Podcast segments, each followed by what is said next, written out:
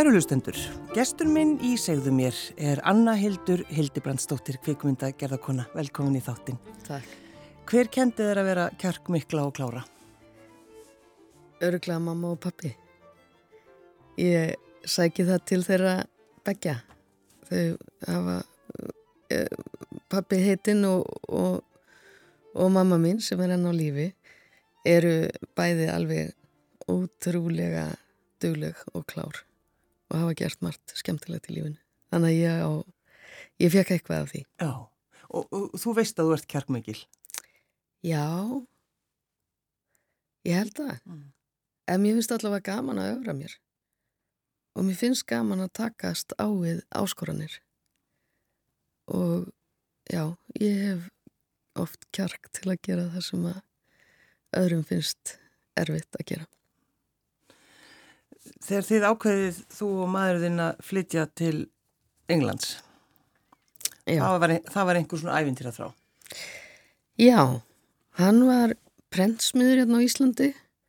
Ég var nýbúið með háskólanám, uh, tók bíanám í íslensku og kennsluréttindi og egnaðist tvö börn í leðinni. Auðvitað bara eins og íslenska konur gera. Og var mjög þreytt og mér dreymdum að verða húsmaður.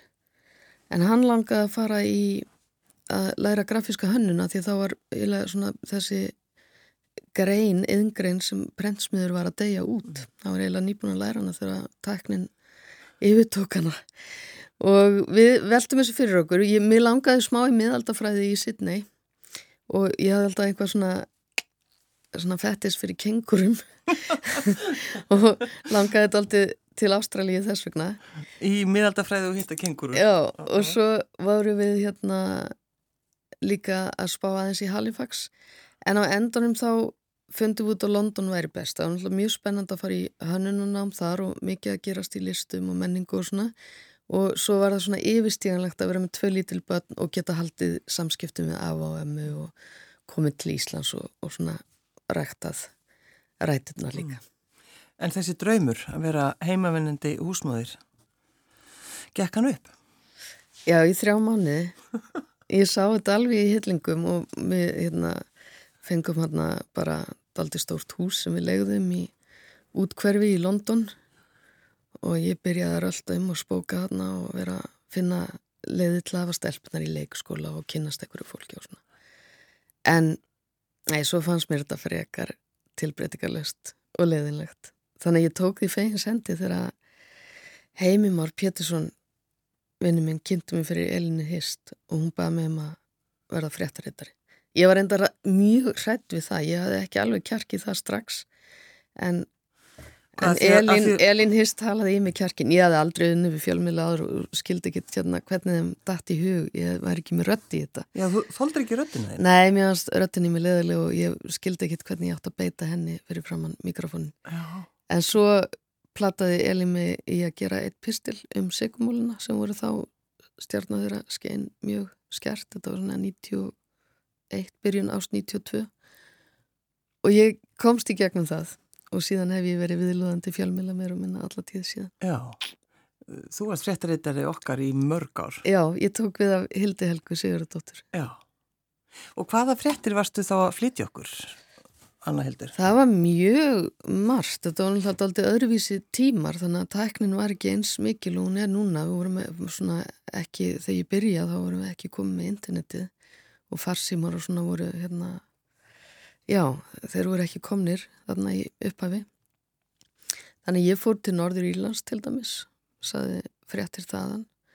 Ég ferðaðis mjög mikið um Breitland og uh, fór líka til Húl og Grimsby og og svona gerði innslög mm. af Íslendingum þar. En svo var líka á þessum tíma þegar við fluttum hann út mikið um hriðjuverk og Íski Liðvildsherrin var mjög aktífur í London. Þannig að það voru oft fréttir. En og svo kannski var þegar að Díana dó það var eiginlega bara mesta fréttavakt sem ég hef staðið. Ég saði fréttir á klukktíma fresti las upp á blöðanum og fór í jarðaföruna var í kapellinu við liðina sem uh, fréttamæður þá? sem fréttarittar í Rúf, já Hvernig var það? Uh, já, nú mann ég einu svona hvort ég var að bylgina rú. Nei. Ég held ég að vera komin að rú. Já, það var, jú, ég var komin að rúf á þessum tíma.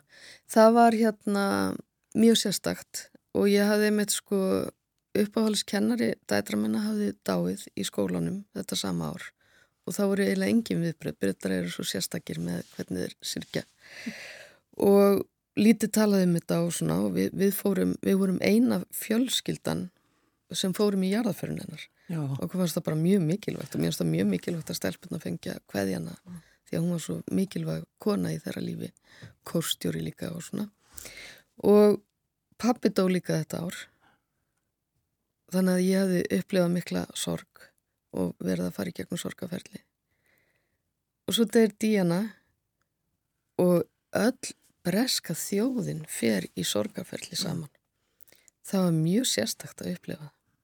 Og ég áttaði mig ekki á þessu, ég var lengi að skilja hvað var í gangi svona hóp sorg sem varð og þegar ég mannaði, ég fór hérna í lestinni klukkan hálf sex um morgunin til að fara í jarðaföruna og sá nágranna mína gamla konir sem átti heima þarna í nærlíkjandi húsum og svona og, þú veist, við höfum aldrei talað um neitt meira heldur um veðrið.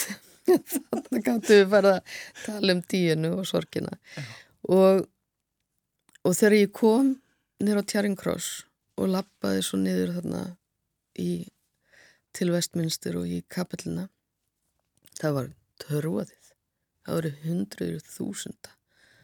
Og ég var að finna mér einhverjar bakleðir hana til þess að komast fram hjá þessu. Mm. náttúrulega mikill örgisverður og ég hafði þurft að panta bladamann að passa á þetta og svona.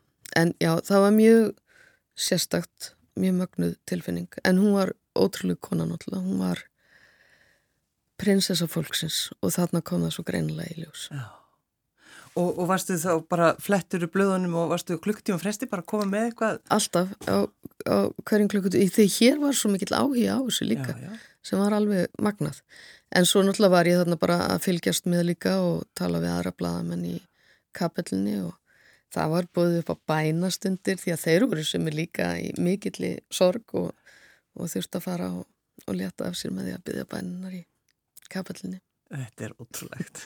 Svo, svo týsti maður eitthvað yfir þessu en þetta er náttúrulega Já, já, þetta var, þetta var mjög stert og mjög sérstakt og mjög einstakt en öll þessi saga er náttúrulega alveg mm. með ólíkindum og það er náttúrulega endalust verið að skrifa bækur og gera sjómasefni um þetta og, og já, það, en þetta, ég man að ég velti svo mikið fyrir mér sorginni á þessum tíma og í hvaða samingi sorgin er en svo sex mánuðum eftir að kennarinn í skólinund og þá var svona farið á sal og hennar var minnst og mér var mjög létt og ég veldi fyrir mig hvort að díjana hefði átt þátt í þessu eða döðu díjana hefði mm. átt þátt í því að þeir opnið á það að sirkja saman manniski sem hann alltaf stóð okkur öllum miklu nær Hvað, Anna Hildur, hvað ætlaði þær að búa lengi í London?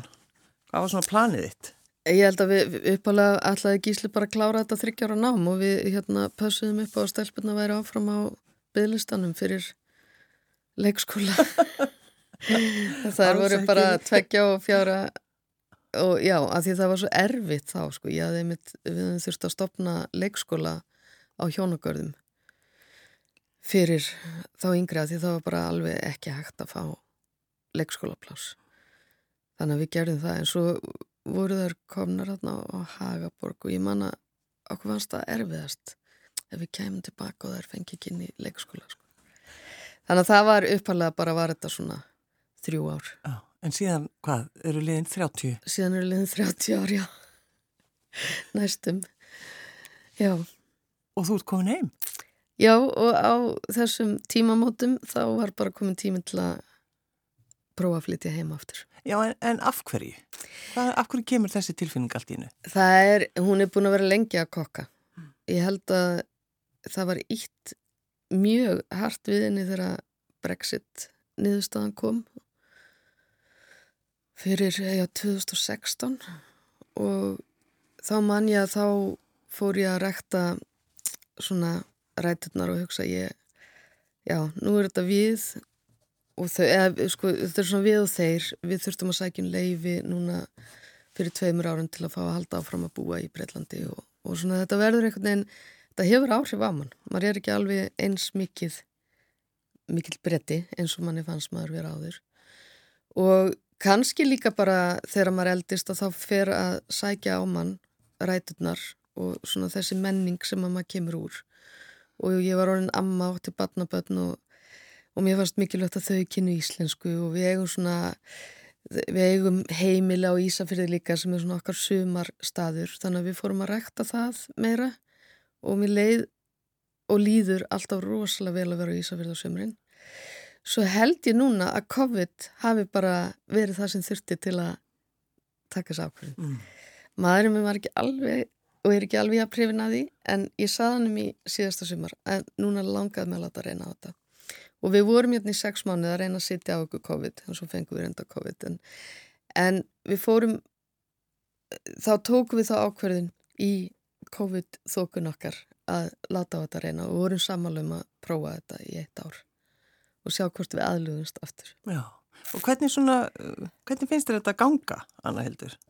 Mér finnst þetta bara eðislega skemmtilegt sko, við vorum búin að hérna gera, það fyrirkomulega þannig að við ætlum að fá hús hjá vinum okkar sem ætlum að fara til Danmarkur í eitt ár og við ætlum að vera í húsinu þeirra í eitt ár en svo náttúrulega kom lúkaðist Danmark og þau komist ekki út þannig að við núna erum með allt ótið okkar í einni ferðartösku og erum í íbútt tímabundi í tvo mánuði á meðan við erum að finna út úr þessu og mér finnst það fullkomin frelsistilfinning. Já, að vera bara með eina tösku. Já.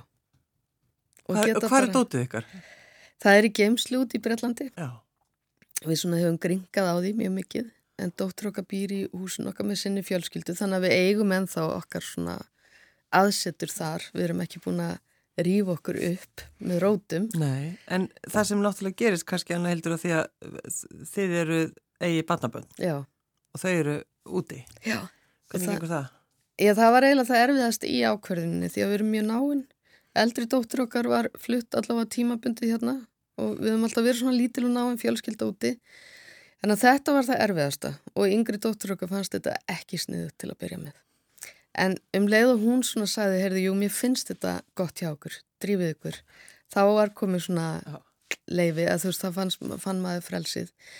En þá var þetta með barnabönnin sem var erfitt og þegar við vorum hérna í sex manni fyrir þá var orðið erfitt að eiga þessi samskipti alltaf bara á Facebook eða Skype eða. En ég uppgötaði allt í hennu að til þess að eiga samræði vettvangu þann sem er nýjára að þá geti ég farið að spila tölvileik og hann saði, Amma, hefur þið síðan tölvileik hérna? Mm. og ég hef aldrei á æfinni spila leik, ég veit ekki eins og hvað kandifloss er eða eitthvað, ég segi það alltaf vittlust en ég hérna ég sem sagt greipan á orðinu allt hennu, áður ég saði nei þá hugsaði, herði, já ég ætla að gera þetta. Og núna erum við að spila SimCity saman og samningurinn er semst að hann útskýrir allt fyrir mér á íslensku. Þannig að þetta er kjensla? Já. Er þetta skemmtilegu leikur? Já, mjög skemmtilegu. Ég er samt mjög lélugu borgastjóri. Ég þarf að fara að fund hjá degi bí og spyrja hann. Hann. Þú erum að ég sjöfnum þig. Já, því að ég er bara, það er bara svona yfirleitt ekki meir en 50% gleði með stjórnununa. Það vantar alltaf einhverja lauruglustuð einhver starf og slökkustuð. En þetta er mjög snið og ég er búin að uppgöta hérna svona að það er margt spunnið í þessa leiki og við erum að læra margt og Harry er mjög klár í þessu. Þannig að hann, ef hann kemur að hjálpa mér þá fer gleðin yfirlega upp í svona 80-90% í borginni. Já. Að við eigum þetta saman, hann er svona kemur stekkur inn í aðstofa borgastjóra hlutverkið af og til. Eh, Þegar þú, Anna Heldur, færð svona eitthvað á tilfinninguna, við erum kannski bara að tala um innsægi Já. Þegar þú uh, sérð hatara uh, taka þessa ákvöruna að taka þátt í Eurovision á Íslandi? Já, mér fannst þetta bara, mér fannst, hefur alltaf fundist þeir vera mjög áhugavert verkefni. Mm. og þeir eru hljómsveit en þeir eru ekki bara hljómsveit. Og þeir voru náttúrulega búin að vera að svona grína í fólki hérna fram og tilbaka og spila á fjölmila og spila á hitt og þetta. Mm og voru greinilega alltaf að gera einhverja svona tilraunir og mér finnst þetta áhugavert áhugavert textar líka. Mér finnst að ég hef mikinn áhuga á pólitíkum, mér finnst þetta vera svona daldi ferskur vindur að koma með svona svakarlegar pólitískar yfirlýskar en þegar þeir ákvaða að senda lagarni inn í Eurovision eða söngvakefni sjónvarsins þá held ég að ég hafi verið alveg jafn hiss og allir aðrir og ég var alveg bara, ha, hvað er þetta? En svo áttaði ég mér náttúrulega á því að þetta var bara enn einn leiðin til að prófa hvar mörkin liggja og hvernig þeir getur komið skilabóðum sínum á framfæri. Mér fannst þetta strax mjög áhugavert og fór að ræða við hérna vinið mína sem að ég var búin að setja upp uh, kvikmyndaframlýslu fyrirtæki með sem að heita Ian Foss eða Jane Pollard og eru þekkti listamenn og kvikmyndagerðamenn í Breitlandi og við fórum saman í að skilgreina hvers konar verkefni þetta getur verið. En við vorum svona samanlega um þetta er því kannski áhugaverð heimildamind ef þeir myndu vinna á Íslandi og ef þeir myndu fara. Ef þeir hefðu það í sér því að það var ekkert ljóst á þenn tíma hvort þeir myndu gera það. Og þannig að ég flög til Íslands daginn fyrir lokakvöldið og Baldvin Vennarsson kom með mér í tökur, ég vildi gera svona pröfutökur og vera bara tilbúin að selja hugmynduna klukka nýju á mánundagsmotni eða þeir myndi vinna. Og það gerðist og ég kom hér inn á Rúf og samfærði skarpiðinum að nú þýrstum við að gera heimildamind. Oh. og hann kom á bakvið það og þannig að Rúf eru samframleðendur í þessu verkefni. Og ég var svo alltaf að leita leikstjóra því ég ætlaði bara að vera framleðandi en Ían og Djæn sagðu nú stýgur þú bara sjálf þarna inn því að þú veist alveg hvað þú ert að gera. Og við fórum, Baldvin og ég. vera, kjark, Kjarkmikil og klár. Já, e, þarna þurftu nú virkilega íta á mig í það sko. En, en ég stegin í þetta uh, hlutverk og sé ekki eftir því og ég og Baldvin fórum með þeim og fylgdu þeim eftir uh, í átjandaga og kynntust þarna líka palestínskunn samstagsmennir og og ísraelskum listamennum og öðrum sem þeir voru að hitta þannig. Mm. En þeir höfðu mitt, sko, töluður ekki mitt um það, þeir vildu kynnast uh, listamennum frá, frá uh, Palestínu. Jú, og þeir voru búin að segja mig það strax aðna og ég kom daginn eftir og hitti Matta og Clemens og og ég gerði svona pröfutökur og lítinn þátt sem hétt fólki á bakvið grímurna sem var síndur aðna aður en þau fór út og og ég hérna saði en þá að ég þekkti útgefandi í London sem væri að vinna mikið með palestinskum tónlistamennum og þeir það var búið að kynna þá og setja þá saman þannig bara tveim dögum eftir að þeir önnu og við filmiðum svo satt fyrsta fundin sem þeir átti með Basar Murad á Skype í Reykjavík rétt eftir að þeir önnu keppna hérna heima. Já. og er þetta, hann er þekktur hann er, hann er mjög vel þekktur tónlistamæður í Palestínu og, og pappans líka, hann kemur úr mikill tónlistafjölskyldu og þau reyka stúdíu þarna í austur Jérúsalem mm. sem að er sett upp aðala til þess að ungir palestínskir listamenn geti látið rött sína heyrast og samið og fjallað um lífið sitt sem palestínumenn og á arabísku. Þetta er mjög falleg umgjörð í kringum basar. En þegar þú ferð og fylgir þeim eftir í kjærninni sjálfri, varstu búin að búið undir það eða er þið eins galið? Þá er ég bara að tala um sko kjærnina sjálfa, alla umgjörðina, já. allt það ævintýri? Já, já, ég var bara búin að búa mig undir að þetta erði að ég væri að fara út í óvissuna og ég erði að taka hverjum degi eins og hann kemi fyrir. Og það var eiginlega eina sem ég var búin að lofa sjálfur mér að Ég myndi vakna, ég vissi að ég myndi vakna snemma mm. og fara að senda að sofa og það er þið mikið að gera. Já. Og þannig, e, e, sko já, ég held ég að því ég var búin að fara einsinni þegar ég vann fyrir rúf og segja frettir frá þegar stjórnin var í Dublin. Mm. Þannig að ég fekk að fylgjast með því þá. Þannig ég vissi að þetta er svaka hátíð. Ég hafði ekki gert mig grein fyrir að þetta er eitt stærsti sjónasviðbyrður í heimi. En svo vorum við ekki alltaf með þeim í höllinni. Þau voru náttúrulega alltaf í sínu ofinbæra prógrami og við vorum þá stundum, við fórum einu sinni á svona generalpröfu og filmiðum allt sem við þurftum með þeim þar. En svo vorum við oft þá líka annar staðar og vorum ofta að fara og hitta annað fólk, fara til Palestínu og svo náttúrulega vorum við alltaf að taka þá með okkur eitthvað annað þegar við gátum. Mm. En Anna Hildur, vissið þú að þau væri með palestinska fánan? Já, ég vissi það. Þú vissir að því? Já. Já. En ég vissi ekki hvort þau myndi taka hann upp. En já, ég átti þátt í því að útvega þessa borða sem þau voru með. Já. Það var nefnilega svona ramata þarna og þau voru ekki búin að retta þessu og það var allt lukað. Og ég var í Jérúsalem á þessum tíma með Baldvinni og með Iceland Music News fólkinu og við vorum í stúdíónu hjá Bassar að því Bassar þurfti að létta á sér. Hann var ánum frústriðar, hann treysti því ekki að það kæmi eitthvað, einhver yfirlýsing frá þeim og hann var svona komin að því að hann þurfti að draga sig frá úr, þess, úr þessu verkefni. Og á þessum tíma kemur líka þingmaður inn í stúdíóð sem að vildi fá að tala við okkur og koma skilabóðum til Hattarahópsins.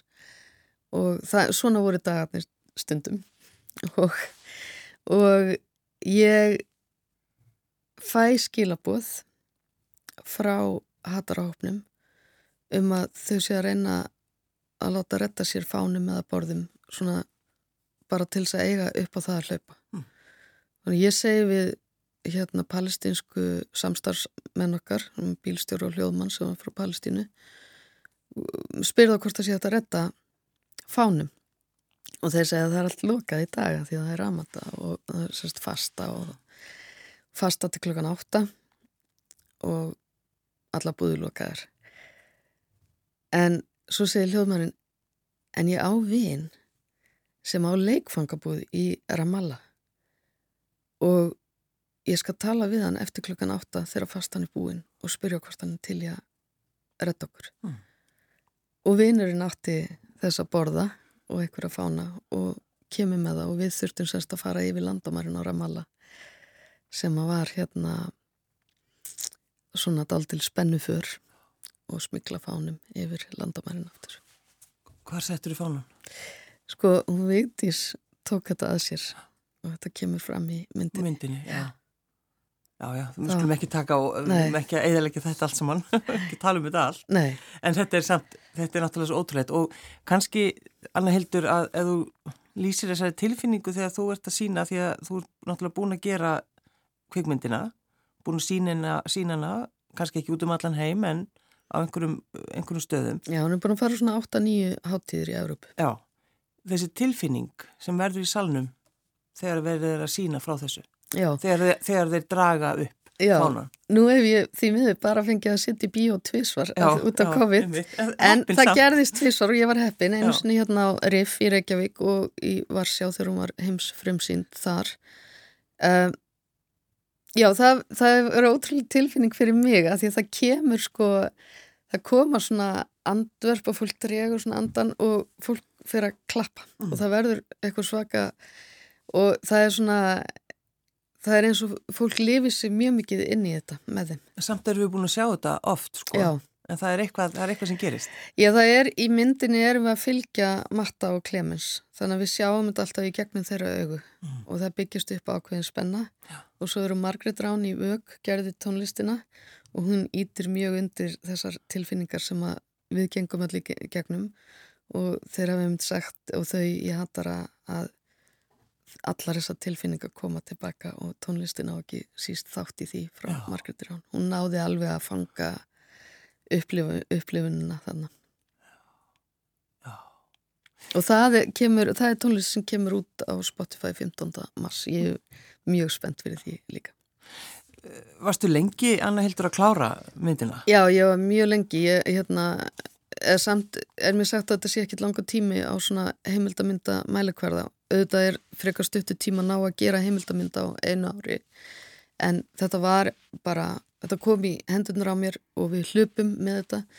En síðan var ég allt sumarið eftir að við komum, þarna, þetta var í mæ 2019, þá var ég og dóttur mín hjálpaði mér að pikka upp öll viðtölinn og fara í gegnum allt efnið og klipparinn okkar fór í gegnum allt efnið líka og svo settist við inn í stúdíó í oktober saman og kliftum, hann klifti og ég var þar og var að gera ímislegt annað sem maður þarf að gera þegar maður er að framlega mynd og gera mynd en í þrjá manni, þannig ég myndi segja klippuferlið og allt þetta ferðilega að koma myndinni saman tók nýju mánuð. Mm. Þurftum að fara eins í aukatökur að því að ég klifti sagt, ferðalagi fyrst sem er miðjan á myndinni, svo gerði ég lokakablan og svo gerði ég uppáskablan og við fórum í smá aukatökur. Við erum með viðtulatna við Ragnar Kjartansson og Katrínu Jakobsdóttir því að við vildum setja myndina í starra samhengi mm. og gjörningin mm. og fá svona, já, við erum, við höfum sett á þetta svona the art of making a stand eða listin við að taka afstöðu og vildum skoða uh, hlutverk listamannsins í samfélaginu. Mm. Hvað heitir myndin þinn? Hún heitir A Song Called Hate og við höfum þættirnir sem að verða, það eru þrýr þættir sem eru gerður úr henni á rúf og þeir eru kallaðir hatrið. Mm. Þetta er sko, þetta er nafn. Þetta er, þetta er ótrúlegt. En þú síndir henni í Gautaborg, myndina, og hún var tilnæmt þar eða ekki? Jú, hún var tilnæmt til Dragon Velena sem besta heimildamyndin á síðast ári. Besta norræna heimildamyndin á síðast. Og það var, það var sko svo stór greini í, í dagins nýhittir? Já. Og það sem var, var einmitt verið að segja þau þorða að taka afstöðu í Eurovision-deilunni? Já, já. já. Sænska útvarpið og dagins nýðir fjalluði um þetta og, og mjög jákaðan átt og það var, það var gaman. Það er gaman að finna viðbröðin og gaman að finna að manni tekst að reyfa við fólki og, og gera sögunni skil á, með almennilegum hætti. Þannig innsæðið, það er svolítið mikilvægt. Það virkaði þessu tilviki. Það virkaði þarna. Já. Einhver tilfinning. Já, já. já og svo líka að því að það var alltaf á hverjum einasta degi úti í Ísrael þá þurfti maður alltaf að hlýða einsæðinu og ég vissi bara til dæmis þarna þegar við fórum til Östur Jérúsalem þegar við vorum byggðin um að retta fánunum að ég þurfti að vera í Jérúsalem og ég hitti hérna Mustafa Bogotti sem er þingmaður þar.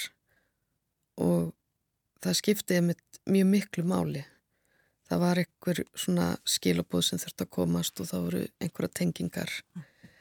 Og það var líka mjög áhugavert að því ég var auðvitað bara heimilda gerða konan þarna. Og mín svona afstafa var alltaf að fylgja því og vera svona lojal við matta og klemis hvað sem þeir ákvaða að gera þá fjallaði heimildamyndin um það. Mm. og þeir sem sagt representera þá líka allan hópin því að hinn er koma líka alveg við sögu í myndinni. En, en um, þarna var einhvern veginn líka heimildamyndin farin að bera skilabúð á milli stundum. Það var mjög áhugavert. Og líka þannig að það getur kannski verið svolítið erfitt einmitt að þú ert að gera þessa mynd að að vera að sammála þeim alltaf. Þú veist, þú þart þess ekki en kannski getur svolítið erfitt, er það ekki? Já, já, maður hérna spurði sig stundum en, en það var bara prinsip að þetta var heimildamind um þá og þeirra ferðaleg og þá bara var maður að hlýða því en auðvitað hérna bárust skilabúð á milli þegar maður kom úr erfiðum samtölum við aðra sem komi að þessu verkefni Já, þetta er, þetta er bara spennandi Já, þetta er mjög spennandi og En ég menna þetta var náttúrulega stórkosluðu gjörningur og talandi kjark og hugrekki þá Já. auðvitað eru þessi hattara hópur og allir sem að þessum gjörningi stóðu eh, alveg ótrúlega kjarkað fólk. Mm. Þau fóruð þarna út í eitthvað sem var svo stórt og það var einmitt alltaf spurningin mín í upphafi var getur óþægt í aðar getur óþægt í aðarljónsut frá Íslandi náð í gegn í meginströmmnum og geta þeir komið skilabóðinu sinni til skila á svona stóri sviði sem þessi sjómanstáttur með Eurovision er. Að því að það var, við áttuðum okkur alltaf á því, ég og Íon og Dein að þeir geti bara orðið samdöina þessu, að því það er hægt að glamuræs allt sem að, þannig að þó svo þetta væri róttækt og búningarnir róttækir að þá gæti það orðið bara skemmti efni líka. En Þetta hefði getið að farið allavega. Já, spurningin var, mynduður koma skilabóðinu sínu til skila? og það var það sem var svo spennandi að fylgjast með og sjá hvað er áttu, hvað, hvað þetta tók mikið á mm. að fylgja þessu allarleiði gegn. Höfðu þeir, hafði, hafði hópurinn áhyggjur annað heldur þegar kom upp þessi umræða í einhvern smá tíma að ætti að reka Íslendinga úr, úr kemninni? Ég held að það hefði kannski verið svona smá skiptaskoðan, ég held að sem hafi þótt að daldi spennandi hugsun að vera rekin. En svona eftir á þegar þeir fjalliði um eftir á þá voru þeir að tala um hvað það hefði nú verið bara þægilegt og þeir eru ekki að standa í allu þessi versinni. En ég manna, og Clemens segir það í myndinu að það hefði kannski ekkit verið gott því að þá hefði allir á það. Já, þeir eru búin að íðalegja. Já. Já, en hvað, Anna Heldur, þú ert náttúrulega, þú ert að kenna á Bifröst og þar ertu með, ég get ekki sleftir að, að þess að vita eins um þetta, þú ert með eh, námskeið og þú spyrð, hvert er, hvert er hlutverk þitt í lífinu? Já. Þetta er svo góð spurning. Já, það er svo gaman að kenna á Bifröst. Ég byrjaði fyrir fjórum árum þegar ég var smá á krosskundum og var einmitt að spyrja sjálf um mikið þessari spurningar. Uh, þá byrjaði ég, Njörður Sigurjón spöð mér að vera með einn kús á mastisbröðinni sem að var hérna um alþjóðlega tækifæri skapandi greinum. Mm -hmm. Svo er ég bara að kenna einu kús og mér stöði alveg rosalega gaman og gaman að sjá hvað nefndur er að gera og spennandi. Og svo fyrir tveimur árum þá baði Njörður og Magnús sem er hérna líka með um að hanna með sér diplomanám í skapandi greinum. Mér finnst það mjög gaman að því skapandi greinar standa mér mjög nær og þegar ég rak út tón þá leti ég skýslunum hagran áhrif skapandi greina og mér finnst við þurfa að taka okkur verulega á í innviða uppbyggingu skapandi greina. Þetta er atvinnuvegur sem skiptir þjóðina mjög miklu máli og við erum að sjá kvikmyndagjörð blómstra núna í COVID og, og alltaf í kreppum sjáum við skapandi greinar taka kipp. Og Þannig að ég var bara, mér fannst það frábært að fá þetta tækifæri að hanna þetta. Og þeir eru svo skemmtilegur á byrjust og þau öll, þetta er svo lifandi staður og lifandi svona uh, umhverfi að ég kom með þessa hugmyndum að fá að hafa kurs sem bara spyr og leiðir nefnendur í gegnum þessa spurningu. Og þannig að þau eru í rauninni bara verkefnið þeirra eru hugleðingar um hvert hlutverk þeirra í lífinu er. Og svo bara spjallum við mikið um það og ég opna fyrir þeim uh, sagt, þekkingu á því hvað skapandi greina snúast um og hvar þau geta mælt sig eða svona passað inn í þá atvinnugrein og þetta er ótrúlega skemmtilegt því að þetta er náttúrulega bara mjög holl spurning að spyrja sjálfum sig. Og, og ég er náttúrulega alltaf að spyrja sjálf með þessu því að ég er svona 5-10 ára fresti þá breytti ég alltaf einn kurs í lífinu. Þannig að ég er alltaf Stendur þá fyrir fram á speilin bara hvert er, hvert er hlutverk þitt í já, lífinu? Já, og svo getur maður átt mörg hlutverk sko, því minnst til dæmis ömmu hlutverki alveg ótrúlega skemmtilegt og ég lært alveg rosalega mikið í gegnum það. En einmitt þetta að fá að eiga mörg hlutverk, að miðla vera í þessu svona fræða samfélagi og þekkingar samfélagi sem bifröst er og kynnast þar svona mörgum ólíkum hugmyndum en fá svo að vera að segja sögur og vinna með hugmyndir sem varum í sjálfur og komaðum í framkvæmt það er alltaf draumastaða. En ég hef nokkru sem verið á krosskutum í lífinu þar sem ég þurft að spyrja mig. Já. hvert hlutverk mitt er En það, sko, svo er það líka þannig að maður kannski þorir ekki að spyrja þessa spurninga. Þetta er samt besta spurning Já. sem getur spurt sjálf Já, en þú veist kannski ekki alveg svarið og, og, þetta hafa, hefur kannski áhyggjur af því. En það skemmtilegasta er sko, ég til dæmis hérna í kursinum núna, þá er að koma fólk sem er á krosskottum og segja ég vil ekki vinna lengur við það sem ég er að vinna við. Já. En svo spyr þessar spurningar og er ég hálf, eða sem sagt eina heila önn að skrifa hugleðingar og kemst að það er niðurstuða að það vill vinna við þetta en bara með öðruvísi hætti og mér finnst það alveg geggjað líka. Anna Hildur, Hildur Brandsdóttir, kvikmynda gera kona, takk fyrir að koma. Takk fyrir mig.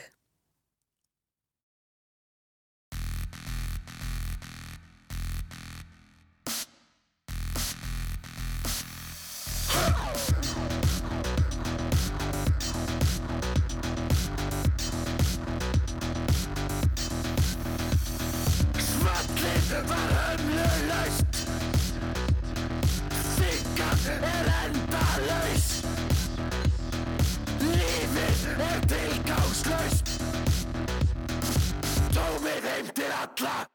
Hatrið mun sigra